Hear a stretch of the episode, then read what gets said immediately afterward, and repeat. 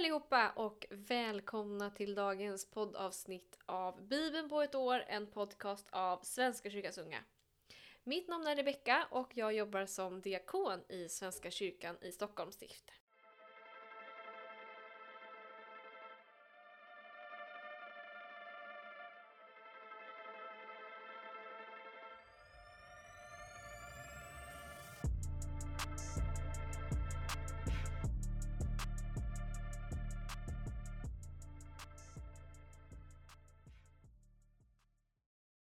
Innan vi fortsätter eh, med dagens bibelläsningar så tänkte jag att vi skulle be tillsammans. Vi ber Herre, hjälp mig att rätt bruka den dag du nu ger mig. Välsigna alla dessa timmar. Välsigna dess plikter och arbete, dess vila och glädje. Välsigna mina händers arbete, mina läppars tal och mitt hjärtas tankar. Låt mig få leva denna dag inför ditt ansikte och till din ära. Amen. I dagens poddavsnitt ska vi bege oss till Första Kungaboken, kapitel 14, vers 1. En gång blev Jerobims son Avia sjuk. Då sa Jerobim till sin hustru Du ska förklä dig så att ingen kan känna igen dig som Jerobims hustru. Gå sedan till Kilo, där bor profeten Aisha, han som förutsade att jag skulle bli kungen över detta folk. Ta med dig tio bröd, några kakor och en kruka honung och sök upp honom, så talar han om för dig hur det går med pojken. Hon gjorde som han sagt, gav sig iväg till Kilo och kom till Aishas hus. Aisha kunde inte längre se, han hade blivit blind på sin ålderdom. Men Herren hade sagt till honom Jerobims hustru är på väg hit för att fråga dig om sin son som är sjuk. Aisha fick också veta att han skulle svara henne och att hon hade förklätt sig. Då Aisha hörde hennes steg vid dörren sa han Kom in Jerobims hustru. Varför är du förklädd? Jag har fått ett tungt budskap att framföra till dig. Gå och säg till Jerobim, så säger Herren Israels Gud. Jag lyfte dig upp ur folket och gjorde dig till förste över mitt folk Israel. Jag ryckte kungadömet från Davids ett och gav det åt dig. Men du har inte varit lik min tjänare David, som följde mina bud och höll sig till mig av hela sitt hjärta, så att han bara gjorde det som var rätt i mina ögon. Du har gjort mer ont än någon före dig.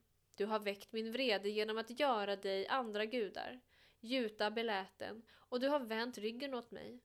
Därför ska jag låta olycka drabba Jerobims ett. Jag ska utrota vartenda manfolk i Israel av din släkt, hög som låg.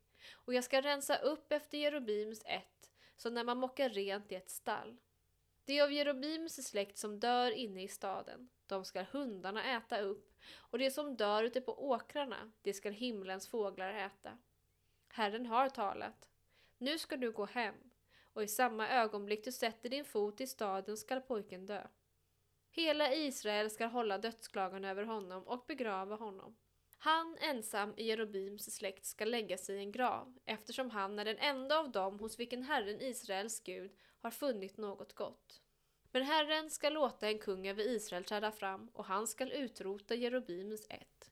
Herren ska slå Israel tills det vajar som säv i vatten. Han ska rycka upp israeliterna ur den goda jord han gav deras fäder och sprida ut dem på andra sidan Eufrat, eftersom de väckt Herrens vrede med de asherapålar som de rest.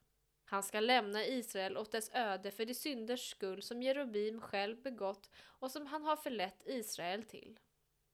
Jerobims hustru bröt upp och återvände till Tirsa. I samma stund som hon trädde över tröskeln till huset dog pojken. De begravde honom och hela Israel höll dödsklagan. Så fullbordades det som Herren hade sagt genom sin tjänare profeten Aisha.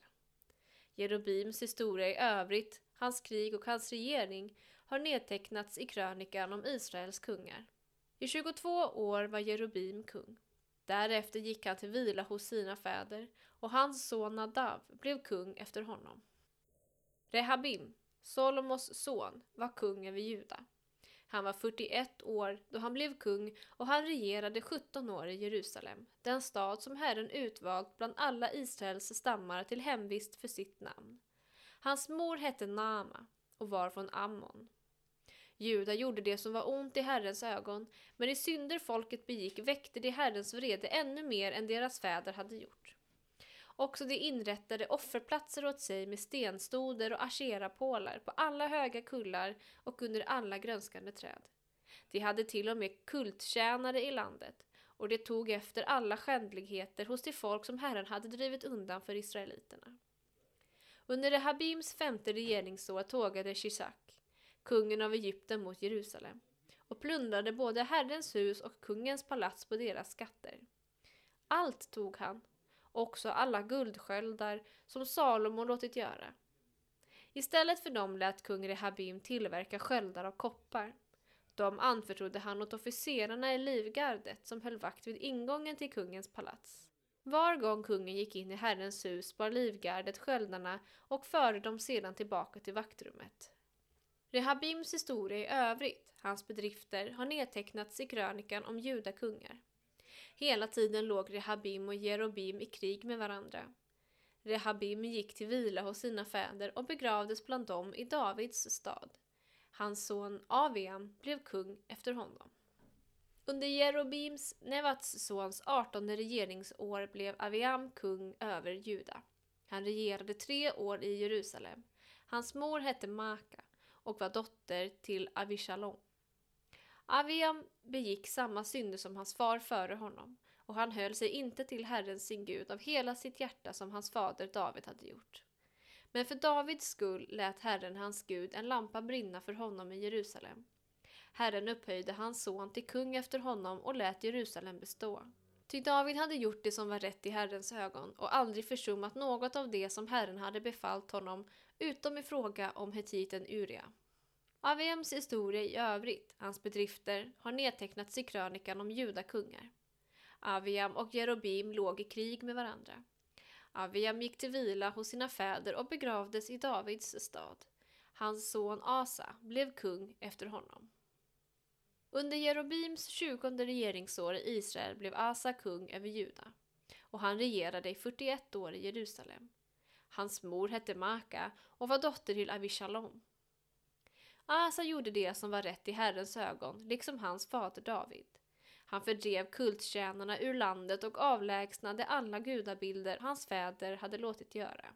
Sin mor Maka berövade han ställningen som kungamoder därför att hon hade rest ett beläte åt Ashera. Asa högg sönder belätet och brände upp det i Kidrondalen. Men offerplatserna fick vara kvar. Asa höll sig dock till Herren av hela sitt hjärta så länge han levde. Sin fars offergåvor och sina egna förde han till Herrens hus. Silver, guld och tempelkärl. Asa och Israels kung Barsha låg under hela sin tid i krig med varandra. Kung Barsha av Israel tågade mot Juda och befäste Rama för att på det sättet avskära förbindelserna för kung Asa av Juda. Då tog Aser det silver och guld som fanns kvar i skattkammaren i Herrens hus och dessutom skatterna i kungapalatset och skickade allt detta med sändebud till aramerkungen i Damaskus, Ben-Hadad, son till Tavimron, son till Hechon, och lät säga Ett förbund består mellan mig och dig, liksom mellan min far och din far. Jag sänder dig här silver och guld som gåva.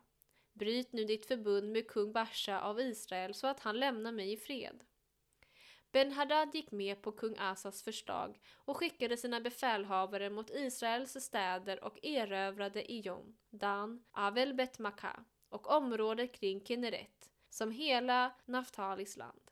När Bersha fick underrättelse om detta avbröt han befästningsarbetarna vid Rama och återvände till Tirsa.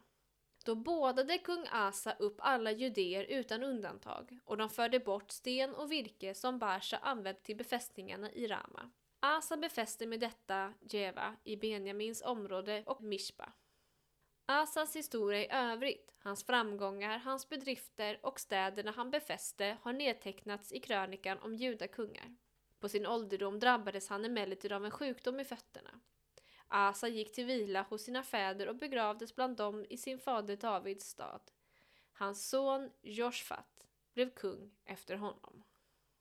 Vi eh, fortsätter vårt bibelavsnitt...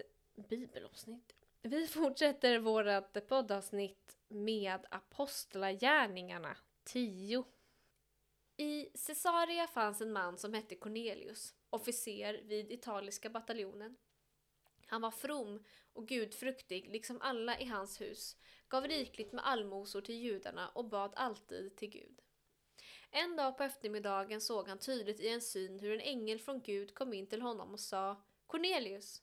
Han såg förskräckt på ängeln och frågade Vad vill du, Herre? Ängeln svarade Dina böner och allmosor har stigit upp till Gud som en påminnelse om dig. Skicka nu några av dina män till Joppe för att hämta en viss Simon som kallas Petrus. Han bor hos en garvare Simon som har sitt hus nere vid havet. När ängeln som talat med honom var borta kallade Cornelius till sig två tjänare och en av sina ordonnanser, en from man. Han berättade allt sammans för dem och sände dem till Joppe. Nästa dag medan de var på väg och närmade sig staden gick Petrus vid middagstiden upp på taket för att be. Han blev då hungrig och ville ha något att äta. Medan maten gjordes i ordning föll han i hänryckning. Han såg himlen öppen och det kom ner något som liknade en stor linneduk. Hängande i sina fyra hörn sänktes den ner på jorden. Och i den fanns alla markens fyrfota djur, kräldjur och himlens fåglar. En röst sa till honom Petrus, slakta och ät! Petrus svarade Nej, nej, herre, aldrig har jag ätit något oheligt eller orent. Då hörde han för andra gången en röst Vad Gud gjorde till rent skall inte du göra till orent. Detta hände tre gånger och sedan lyftes duken strax upp till himlen. Medan Petrus grubblade över meningen med den syn han haft kom männen som Cornelius hade skickat. De frågade sig fram till Simons hus och stannade vid porten och ropade och undrade om den Simon som kallades Petrus bodde där. Petrus funderade ännu över synen då anden sa till honom Här är tre män som söker dig. Gå genast ner och tveka inte att följa med dem. Det är jag som har sänt dem. Petrus gick ner till männen och sa Jag är den ni söker, varför har ni kommit? De svarade Cornelius, en officer som är rättskaffens och gudfruktig och har gott namn om sig i hela den judiska befolkningen, har blivit tillsagd av en helig ängel att skicka efter dig och höra vad du har att säga. Då bad han dem stiga in och lät dem bo över där. Nästa dag gav han sig iväg i sällskap med dem och några av bröderna i Joppe följde med. Avsnittet fortsätter med Saltaren 133. En vallfartssång av David. Vad det är gott och ljuvligt att bröder är tillsammans. Det är som när den fina oljan på huvudet rinner ner i skägget, i Arons skägg, som faller ner över dräktens linning. Det är som när Hermons dag faller över Sions berg. Där skänker Herren välsignelse, liv i alla tider. Dagens poddavsnitt avslutas med Ordspråksboken kapitel 17, vers 7-8. Stora ord anstår inte odågan, än mindre lögner en ädel man. Den som ger mutor tror sig ha ett trollspö. Vart han kommer har han framgång. Tack för att ni har lyssnat på dagens poddavsnitt av Bibeln på ett år, en podcast av Svenska kyrkans unga. Hoppas att ni alla har en fortsatt trevlig dag, så eh, ses vi imorgon. Ha det bra! Hej då!